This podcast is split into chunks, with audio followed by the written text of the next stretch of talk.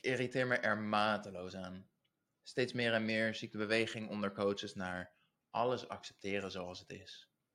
Leren van je lijf houden zoals het is, want dat gaat je toch niet lukken om het te veranderen. De dingen gaan zoals ze gaan en je bent te zwak om er iets aan te doen. Zolang je er maar van hebt genoten, nadat je dingen hebt gegeten waar je eigenlijk niet tevreden over bent. Maar heb je in dat hele korte moment dat je het at, er echt van genoten? Waarschijnlijk wel. Tien minuten later geniet je nog steeds van die keuze. Twee jaar later geniet je van het resultaat dat het heeft gebracht om steeds te kiezen voor genieten. Dit was het harde intro. Als je nog niet gestopt bent met luisteren, cool, dan is deze aflevering voor jou. Ik filter graag de mensen eruit die het eigenlijk wel fijn vinden zoals het nu is. Maar uh, daar straks meer over. Je luistert naar de Gezond en Fitcast. Abonneer je als je dat nog niet hebt gedaan. Binnenkort namelijk een hele gave kans exclusief voor abonnees van de podcast.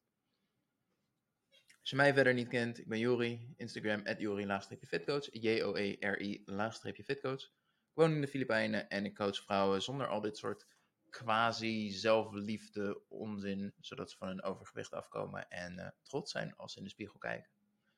Want dat is het. Quasi-zelfliefde. Eindeloos herhaalde zinnetjes als: Het is oké zolang je er maar van hebt genoten. Het gaat om de balans. Je moet ook af en toe genieten, hè? Vind je het goed als ik deze drie uitspraken even kort met de grond gelijk maak, zodat we naar de oplossing kunnen? Het is oké zolang je maar genoten hebt. Wat vind jij ervan als je zoontje of dochter iedere dag McDonald's eet als ontbijt en een reep chocola als lunch, vervolgens te misselijk voor het avondeten? Ze genieten er ontzettend van hoor, dus dan is het oké toch? En dat is het probleem met deze mindset. Het grootste verschil tussen kinderen en volwassenen is dat gezonde volwassenen in staat zijn om keuzes te maken waar ze later pas profijt van hebben. Ze kunnen de beloning uitstellen. Delayed gratification, zoals dat heel mooi heet. Kinderen willen zich nu goed voelen, nu belonen, nu iets lekkers. Jij zou heel je spaarrekening nu kunnen uitgeven, maar ziet in dat dat op de lange termijn niet de verstandigste keuze is. Waarom, onder het mom van zelfliefde, praten we dit dan wel goed als het om eten gaat? Misschien ken je het voorbeeld wel, het, uh, ik denk dat iedereen deze ondertussen kent. Het marshmallow-experiment onder kinderen, waar ze zeiden, je mag, uh, uh, er ligt een marshmallow op tafel, ik verlaat nu 10 minuten de kamer. En um, je mag hem eten, maar als je hem laat liggen en ik kom over 10 minuten terug, dan krijg je een tweede. En um, de meeste kinderen waren daar niet zo goed in. En de kinderen die daar wel heel goed in waren, die, ik denk dat ze ze zo'n 40 jaar in totaal hebben opgevolgd. De kinderen die daar toen al sterk in waren, die zijn vervolgens ook opgegroeid tot een, uh, eigenlijk in ieder uh, aspect waar gekeken werd, ja, succesvoller. Dus een uh, succesvollere baan, gelukkiger gezin. Ze waren in staat om de beloning uit te stellen en um, ja, dat beloont.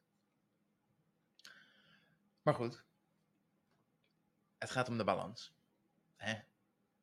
Af en toe een beetje balans. Alleen um, overgewicht is een signaal dat je leefstijl uit balans is. Dat er chronisch meer energie binnenkomt dan dat er verbruikt wordt. Dat je stresslevels chronisch hoger zijn dan wat, wat, eh, dat je stresslevels chronisch hoger zijn dan wat eigenlijk goed voor je is, waardoor goed voor jezelf zorgen niet gebeurt. Je bent al jaren uit balans in de plus en moet nu eerst een periode uit balans in de min, zodat je daarna in balans kunt zijn met een gezond lichaam en gezonde leefstijl. Dus um, je moet ook af en toe genieten, hè? Zeker. Een super rigide aanpak om af te vallen brengt je te extreem uit balans in die min. Maar het is wel het ideale moment om iets minder van nu te genieten en vaker te kiezen voor nu keuzes maken waar je later van kunt genieten. Het probleem is alleen, we volgen mensen op Instagram, nemen adviezen aan van mensen die zelf het doel niet eens behaald hebben wat jij voor ogen hebt, of werken met de mensen die dat bereikt hebben. Bijvoorbeeld aan uh, coaches zonder ervaring als coach, die je vertellen hoe ze denken dat je het moet aanpakken. Klein probleempje, ze hebben nauwelijks cliënten en weten dus helemaal niet of wat ze roepen ook echt werkt. Nadeel van uh, iedereen mag en kan zichzelf coach noemen. En uh, ja, dat gebeurt dan ook wel in overvloed. Nou, moet ik wel bekennen, mijn coaching is vrij intensief. Is één op één. En daardoor beperk ik bewust het aantal vrouwen dat ik per jaar coach. Het afgelopen jaar waren dat er 43. Dat zijn 43 vrouwen die hebben bevestigd dat wat ik hier met je deel werkt. Serieus, vraag zo'n coach op Instagram, hoeveel cliënten hebben ze? Minder dan vijf, dan weet je dat ze net beginnen en dat je alles met een korreltje zout mag nemen. Hebben ze er meer dan 50, dan weet je dat het weinig één op één begeleiding is. En dan zou ik het ook met een korreltje zout nemen. Maar het zijn niet alleen coaches, het zijn ook de ervaringsdeskundigen. Of zij die zelf nog proberen af te vallen en het niet eens voor elkaar krijgen. Dingen die wel lekker klinken worden herhaald, maar niemand controleert of het waar is en echt werkt. Wees daarom kritisch in het advies dat je aanneemt. Ook mijn advies, wees kritisch. Neem het pas aan als je begrijpt hoe en waarom het werkt. Het is de enige manier om van je ongezonde dieetovertuiging af te komen. Alternatieve overtuiging tegenkomen die aannemelijker is dan de oude overtuiging. Bijvoorbeeld, ik mag geen chocola eten tijdens het afvallen. Werkt niet zo heel goed. Werd vervangen met, je moet ook af en toe genieten, dus er is plek voor chocola tijdens het afvallen. Beter, maar blijkbaar nog niet goed genoeg, want je bent er nog niet. Dus ehm, als je dan, je moet ook af en toe genieten, wil vervangen, dan um, zou dat iets mogen zijn als, zodra ik mijn impulsieve eetdrang leer beheersen en de controle over mijn trek heb, kan ik meer genieten van spontane momenten.